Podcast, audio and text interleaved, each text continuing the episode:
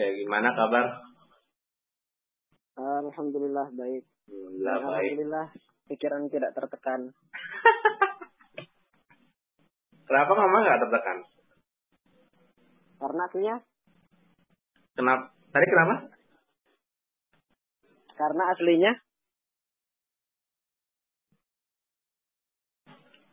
Oke, eh, kita mulai dari satu topik yang bebas ya. Karena kan kalau yang begini kan enaknya kan apa eh, topiknya kan bisa lebih bebas ya.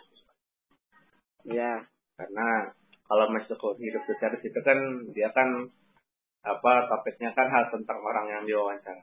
Kalau ini kan topiknya lebih ke apa namanya ke isu yang ada sekarang lah gitu. ya Ini berarti santri udah pada pulang nih yang yang Jabar Jabodetabek. eh, ada yang hari ini ada yang besok. Tapi udah pada prepare pulang. Ya Hmm. Agak ngeri juga ya kalau pulang sekarang ya.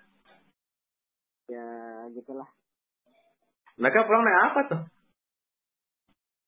Ada yang dijemput rombongan gitu pakai mobil dua. Ada yang naik bis kayaknya. Cuma kalau cuma kalau aku sanksi, eh, agak sanksi sih kalau naik bis sih karena syaratnya kan banyak. Terus syaratnya juga susah. Emang naik bis ada syaratnya Bob? Wah, ada syaratnya kalau sekarang. Iya Bob. Iya, mak ya makanya lihat makanya Anda tuh baca. Gini, em, ini ini tahu. Jadi eh jadi yang mau naik bis ke apa baik itu dari timur ke barat ataupun dari barat ke timur itu syaratnya tuh satu mereka harus disertakan surat tugas atau surat-suratan juga. Iya, ada surat-suratnya juga. Surat tugas. Kalau apa kalau dia dari instansi tertentu baik itu instansi swasta ataupun pemerintah atau enggak surat keterangan dari kelurahan asal. Nah, nanti baru setelah sampai dibikin surat keterangan di kelurahan tujuan. Oke. Terus ya pokoknya syaratnya macam-macam lah, ribet. Kayak bikin KTP ya ribet ya. Ya kayak ya. itu beda, kalau itu beda. Kalau itu mah penting nggak usah itu. Dan ya begitulah susah. Ya, bahkan tiket aja mahal loh. Naik sekarang. Eh update karena aku ikut ikut di grup Bismania. Itu em, ada yang Jakarta Solo tuh bisa 500. Gila, mahal banget. Eh, belum tahu kan itu Jakarta Solo. belum kalau Jakarta Surabaya bayangin aja berapa. Mahalnya. Ya begitu karena kan gini kan sistemnya itu kan bangkunya kan apa namanya eh, satu kosong satu isi satu kosong satu isi gitu. Ya physical distancing lah gitu. Oh iya. Ya, Anda jadi juga karena penumpangnya lebih sedikit ya, jadi Ya di- iya, ha-ha. Karena mereka dengan penump karena karena mereka dengan penumpang setengah gitu aja secara operasional nggak ketutup. Karena belum tentu satu sekali PP itu bisa setengah. Setengah aja udah bersyukur. Gitu. Tapi kamu ngeliat nggak bahwa apa pada akhirnya dilonggarkan tuh dan dengan isu new normal itu kamu ngeliat nggak bahwa apa sih gitu? Maksudnya? Kamu ngeliatnya seperti apa gitu? New normal. Nah, new normal. Yang lagi viral sekarang. Eh kalau pendapatku pribadi sih ini karena dulu kan ini aku sempat ngetawain eh Om eh bukan Om Pak D itu Hmm. ngetawain maksudnya ngetawainnya ya di sini sih setelah melihat berita-berita di medsos gitu kan kan Iya. dulu tuh eh aku lupa tepatnya kapan itu kan Pak Presiden di, eh salah kan salah sebutkan Pak D He. itu kan bilang kalau eh kita berperang dengan corona gitu kan iya. Awalnya begitu. Nah ya, nah terus eh, baru-baru ini kan diminta damai itu logikanya enggak logikanya gini uh, deklarasi perang atau damai sama pihak lain itu kan itu kan bukan keputusan sepihak kan maksudnya bukan berarti kita terus bisa mentang apa mentang-mentang kita punya kekuatan terus kita bisa nyerang negara lain gitu kan kita Iya, bisa ah. nyerang negara, lain kan itu kan Iya. harus apa ya semacam mendapatkan approval dapat uh, izin atau persetujuan oke kita berperang dari negara lain gitu kan Iya.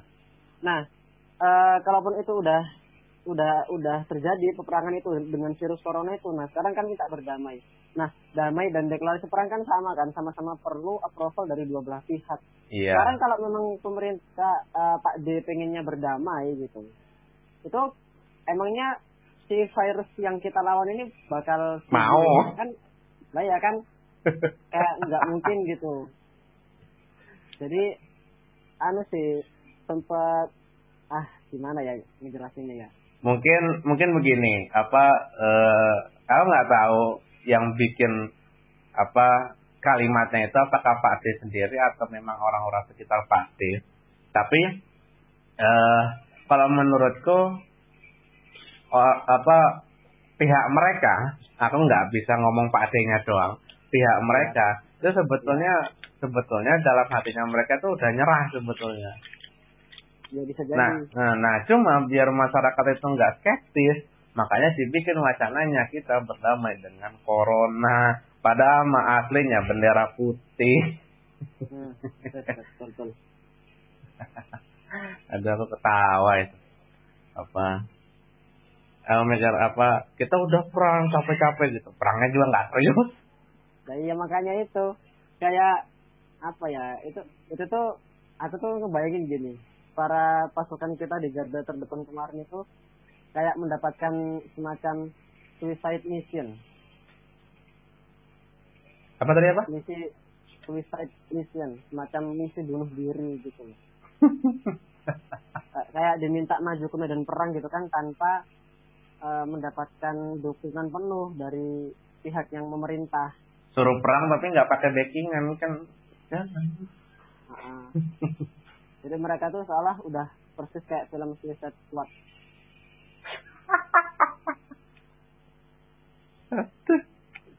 Aduh, ya Allah kacau negara kita. Ya, terus ini mau eh, apa mau meng- menggibahin Pak dia apa gimana? Eh tadinya enggak ya, cuma karena kamu bawa-bawa pate. kita tuh nggak ngegibah ya, kita tuh nggak ngegibah. Cuma kita tuh membicarakan kebijakan, tidak membicarakan secara personality bahwa Pak D itu begini-begini enggak, kita tuh membicarakan secara- secara kebijakan bahwa Pak D itu apa mengeluarkan kebijakan begini, nah, gitu. Jadi kalau misalkan kita dibilang gibah ya enggak, karena yang kita bicarakan bukan personality kan yang bikin orang dijatuhi gibah kan karena personality. Termasuk juga fitnah juga. iya apa kayak contohnya misalkan ngomongin diri orang gitu. Misalkan kurus, rempeng gitu. kayak eh, walaupun fakta ya itu jatuhnya gibah kan. Kenapa? Karena ngomongnya udah personal seseorang. Oh iya iya. Nah Lanjut. sama sama tadi aduh kok malah gibah-gibah ya Allah kok bar Lanjut, puasa langsung gibah nah oke Iya. em, tapi kan agak ini juga ya ketika eh dan pasti banyak orang yang kecewa dong dengan adanya new normal ini. Tapi kamu ngeliat sesuatu apa kan tadi kan udah ya. eh, ini ini santri itu pada apa emang pengumumannya kapan sih kok tiba-tiba jadi jadi pada rame-rame pulang gini dan apa enggak ini mendadak pulang begitu? Keputusannya tuh kemarin.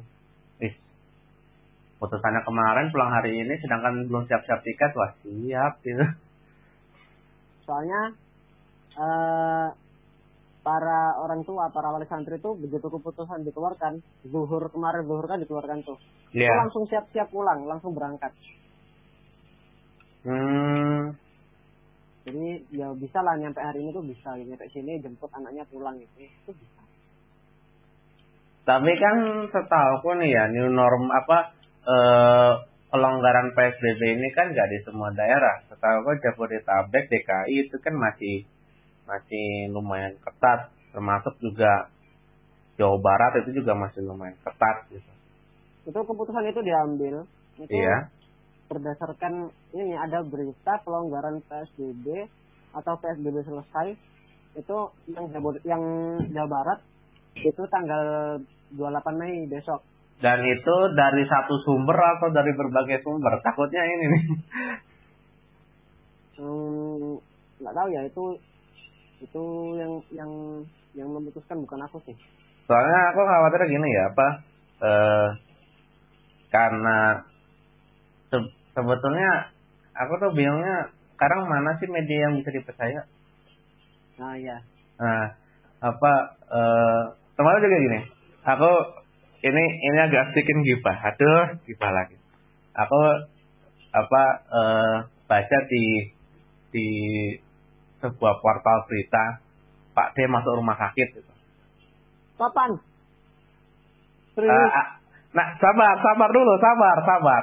Nah, cuma begitu aku buka beritanya, ternyata ada orang yang namanya mirip Pak D masuk rumah sakit. Iyalah. Dan aku aku udah berharap, Wah parah sih berharap. sudah berharap eh clickbait, aduh, aduh. Ternyata portal berita bisa clickbait kayak YouTube, saudara. Ben- beneran itu. aku aku udah ya Allah, moga beneran itu ya ternyata. Pa- parah, parah berharap parah. ya biar biar sedikit ada peringatan gitu loh. Iya sih, iya sih. Nah, eh dan soalnya aku tuh takutnya begini, apa em, karena prosedurnya sulit, akhirnya mereka udah ngepak-ngepak, nyampe sana tuh malah nggak jadi karena ya prosedurnya apa. Makanya nih aku, aku apa, tapi sebelumnya dikasih tahu nggak, maksudnya mereka harus ngapain, ngapain, ngapain gitu. Maksudnya? eh pas pulang itu kan ada kalau yang rombongan oke lah gitu. Kalau yang naik kendaraan umum kayak bis itu kalau kereta nggak mungkin ya kalau kereta. Nah, Itu itu dikasih tahu nggak mereka harus ngapain gitu?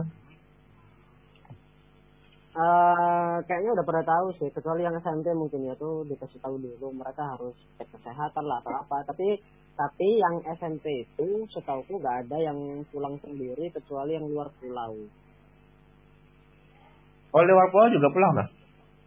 Heeh. Yang Sulawesi, yang Wih gila ada Sulawesi juga sekarang mantap. dan yang satunya lagi dari NTB itu juga kayaknya pulang. Hmm, soalnya eh kalau menurutku ya apa kalau yang kalau yang mau ke Jabar terus Jabodetabek nih ini yang aku tahu apa Ya. em, prosedurnya kan sulit. Terus harga tiket juga mahal dan nggak semua orang bisa naik. Dan Iya.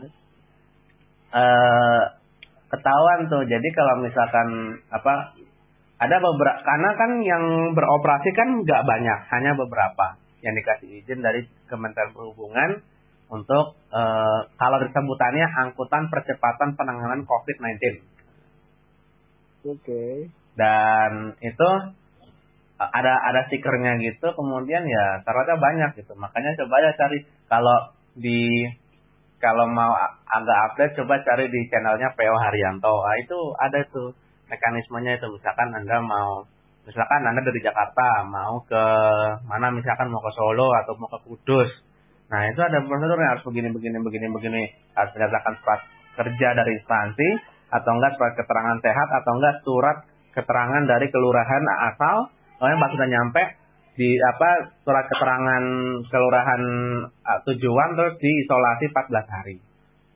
Insyaallah. Nah, nah ya itu. Capeknya itu. Makanya aku aku agak skeptis jika bisa sampai Bogor. Enggak, tapi beneran, beneran, aku beneran. Kalau seandainya dia bener-bener emo, ne, apa naik bis. Cuma aku bilang semalam mau dicariin enggak, katanya enggak usah gitu. Ya ya udah. Karena linknya ya lumayan banyak lah gitu. Hmm. Pakai Bismania. Ya, eh, kemudian apa kamu ngeliat nggak kalau Indonesia ini bakal normal lagi? Kenapa? Ngelihat nggak kalau Indonesia ini akan normal lagi seperti sedia kala? Atau bakal begini terus? Uh, kalau bakal begini terus aku nggak tahu ya, tapi kayaknya nggak bakal normal seperti kondisi lalu, kondisi sebelum ada pandemi. Nggak nggak bakal normal normal 100%. Uh, iya, pasti nanti ada perubahan. Dan kamu ngeliat corona ini kayak semacam apa ini? Maksudnya dia itu apa? Uh, gini. Jadi semenjak apa ya ada pengumuman kasus pertama di Indonesia gitu ya. Itu tuh aku langsung cari doa. Halo? Iya. Nah itu tuh aku langsung nyari doa untuk apa ya semacam doa melindungi diri gitu loh dari penyakit itu gitu. Iya. Nah terus cara doanya tuh di awal tuh gini. Allahumma inna hadzal maradu iya. jundun min junudik. Jundun. Berarti salah satu. Ha Jadi ya kalau kamu tanya menurutku apa ya virus ini tuh apa ya menurutku ya itu jawaban yang ada di doa itu gitu. Salah satu dari tentaranya Allah. Dari sekian banyak. Nah, dari sekian banyak tentara Allah ini salah satu tentaranya yang dikirimkan ke kita yang sampai sekarang belum kelihatan tuh tujuan aslinya itu dikirim untuk apa gitu kan. Iya. Jadi e, barangkali tentara ini nanti bawa apa ya semacam perubahan besar buat dunia karena kan mereka menyerang semua negara tuh. Menyerang seluruh negara dalam seluruh sendi kehidupan.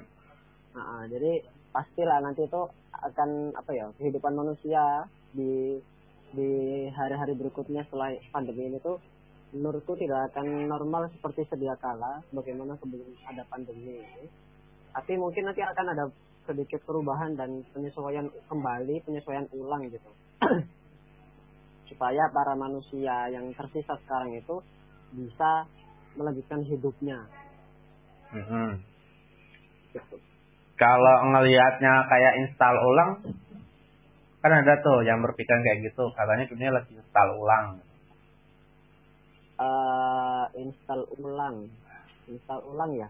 Hmm. Kalau menurutku kalau install ulang itu kan nanti kan kalau laptop nih, laptop kita install ulang nih. Iya. Itu kan nanti dia mati dulu kan?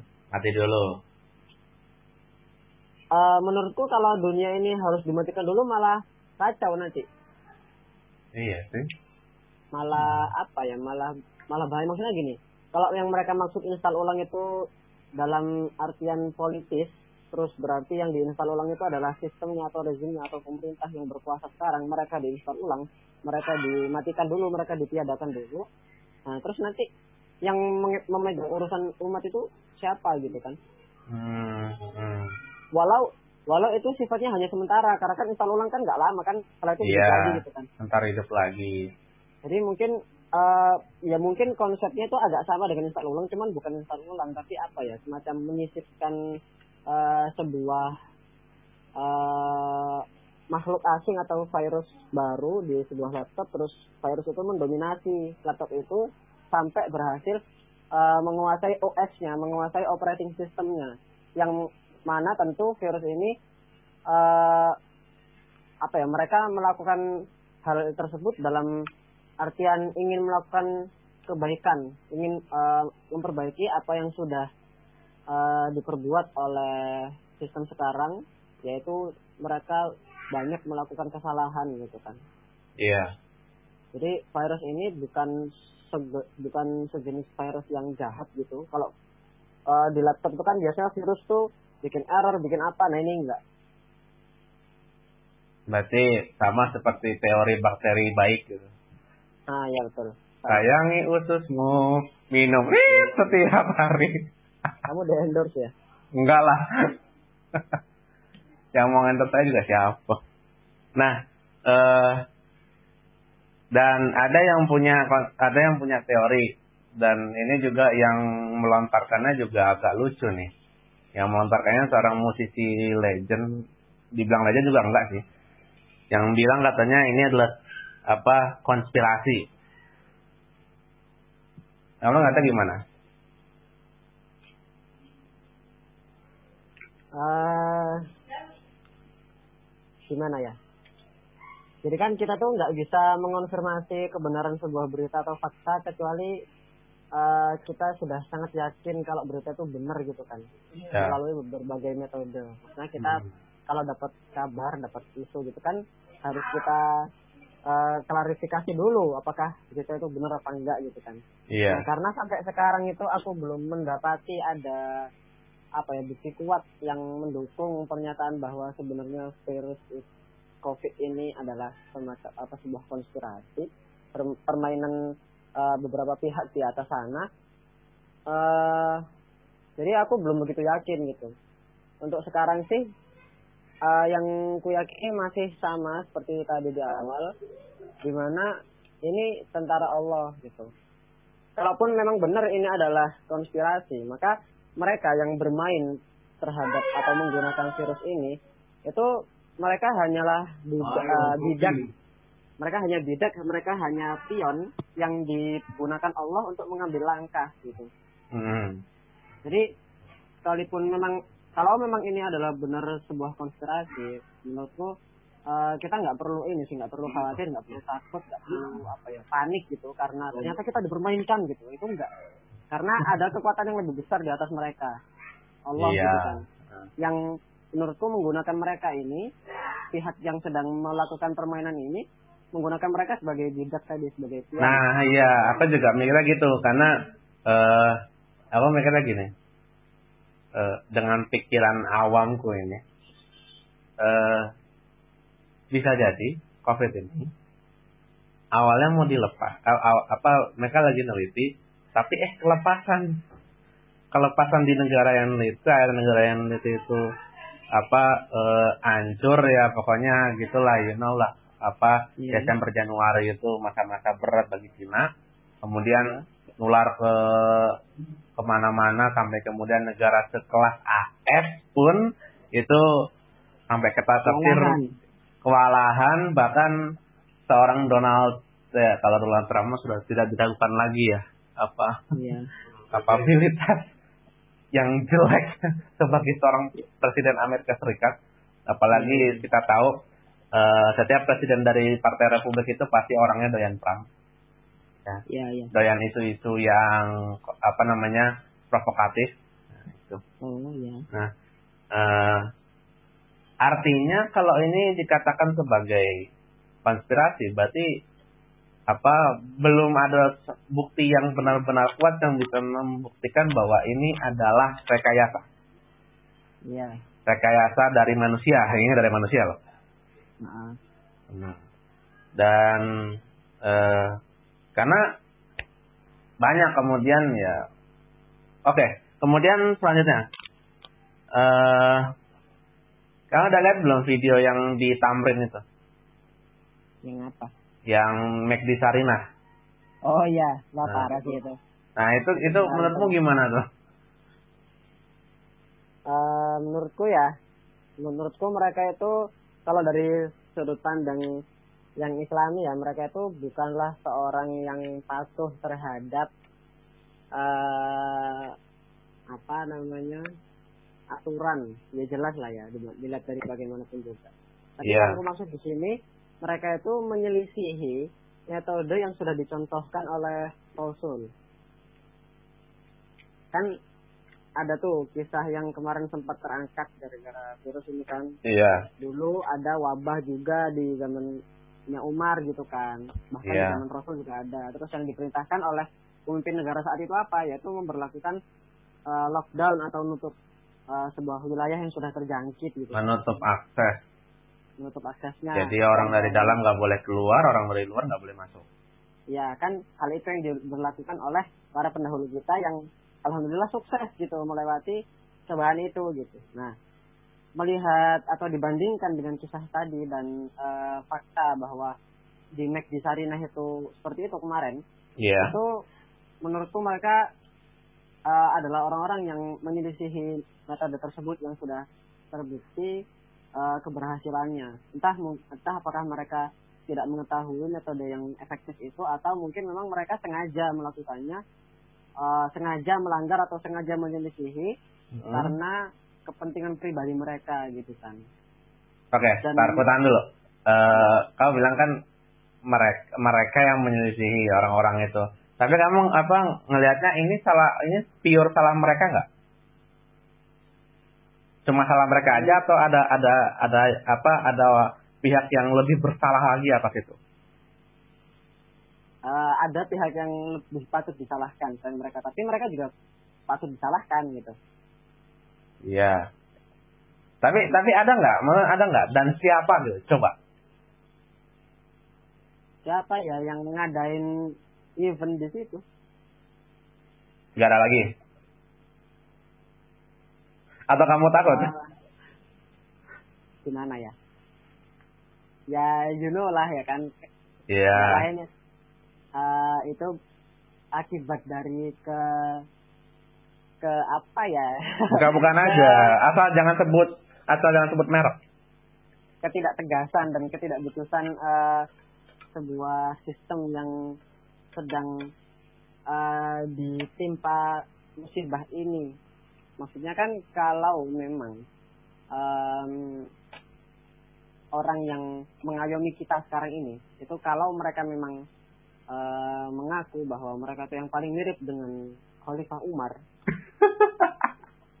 itu kan seharusnya tidak menyalahi metode e, penyelesaian wabah ini gitu. Karena kan sudah dicontohkan sama para sahabat dulu dan bahkan oleh Rasulullah sendiri juga gitu Iya. Jadi kan memperlakukan sistem itu dan dan hal itu juga tidak diterapkan gitu kan. Jadi yang lebih patut disalahkan ya barangkali ya itu gitu karena gini aku jadi gini uh, minggu lalu itu kan anak-anak ini sempat tak kasih nonton film gitu namanya judulnya Extraction film baru dari Netflix yang keluar tahun ini bulan kapan bulan Netflix. Maret ya. pusatnya film bagus nah itu itu kisahnya tentang seorang putra gembong narkoba diculik kan. Iya. Sama gembong narkoba yang satunya dari di sebuah negara itu ada dua gembong narkoba yang sangat terkenal, yang sangat overpower banget di negeri itu gitu. Iya. Cuman uh, yang satu yang satu itu dia ketangkep, akhirnya powernya melemah gitu kan. Mm. Nah, sehingga yang satunya saingannya ini memanfaatkan kondisi di mana saingannya tertangkap gitu dengan menculik anaknya sehingga harapan si saingan ini kan bisa menghancurkan hidupnya saingannya gitu kan. Iya. Nah, ditangkaplah itu anak diculik. Kemudian ada uh, pihak penyelamat yang ingin menyelamatkan anak itu gitu kan. Sehingga ketika berhasil diambil kembali anak itu dari tempat dia di Sandra, uh, setelah ketahuan oleh si gembong narkoba yang satunya, kota itu langsung di lockdown. Kota, kota itu langsung ditutup. Padahal Uh, jadi anak itu baru diambil, baru diselamatin begitu. Gak lama setelahnya kabar itu langsung sampai ke bos yang memerintahkan penangkapan anak itu tadi. Hmm. Dan pikiran pertama yang atau langkah pertama yang langsung diambil sama bos itu tadi adalah menutup kota itu langsung. Bukan kok memerintahkan telusuri siapa gitu enggak. Karena kalau ditutup mereka dia nggak bisa ke mana-mana. Iya betul. Jadi maksudnya gini, bahkan dari film Netflix pun dari orang Barat yang uh, seharusnya bukan menjadi teladan kitab sekalipun yeah. itu terdapat sebuah makna yang sama sebagaimana yang dicontohkan oleh Rasul dan uh, para sahabatnya itu. Ketika ada masalah yang takutnya nanti menyebar luas begitu, salah satunya di sini misalkan pandemi ini atau kalau dalam film itu adalah berhasil diselamatkannya si anak tadi, langkah pertama yang dilakukan itu kan lockdown atau mengunci tempat gitu loh. Di, dikunci yeah. gitu kan. Supaya uh, menghindari tersebar luasnya uh, masalah itu. Atau kalau dalam kalau dalam situasi kita sekarang ya berarti penyakit itu virus hmm. covid itu. Sehingga kenapa kok mereka tuh malah berpikirnya mengambil tindakan yang lain selain tindakan lockdown gitu. Kalau mau diambil contoh lain lagi kan negara itu yang apa yang lockdown sejak ada virus diumumkan itu apa sih yang sekarang sampai sekarang tidak melaporkan adanya kasus COVID apa Thailand atau Filipina? Singapura. Singapura, Bos. Ah, Oh, apa iya, lupa? iya, Singapura, Singapura. Eh serius Singapura. Singapura apa Thailand gitu? Thailand kalau nggak ya Thailand. Ya pokoknya salah satu di Asia Tenggara gitu kan. Itu kan Iya. ada yang sudah sejak awal kan di lockdown dan mereka selamat semua gitu kan warga ini. Sehingga sedikit kecewa dan bukan cuma sekedar kecewa tapi menyalah nyalah nyalahkan dan mengumpat dalam hati juga gitu. Kenapa kok mereka bisa melakukan hal yang sangat mengecewakan rakyatnya gini? Bahkan banyak orang di lingkunganku itu yang mereka tuh dulunya sangat apa ya mendukung sangat Pro sama Pak D. ah ah, pro gitu sama Pak Ade itu sekarang balik gitu berbalik nyerang berbalik nge-hate berbalik benci juga gitu. Tenang aja, keluarga aku juga begitu. lah iya.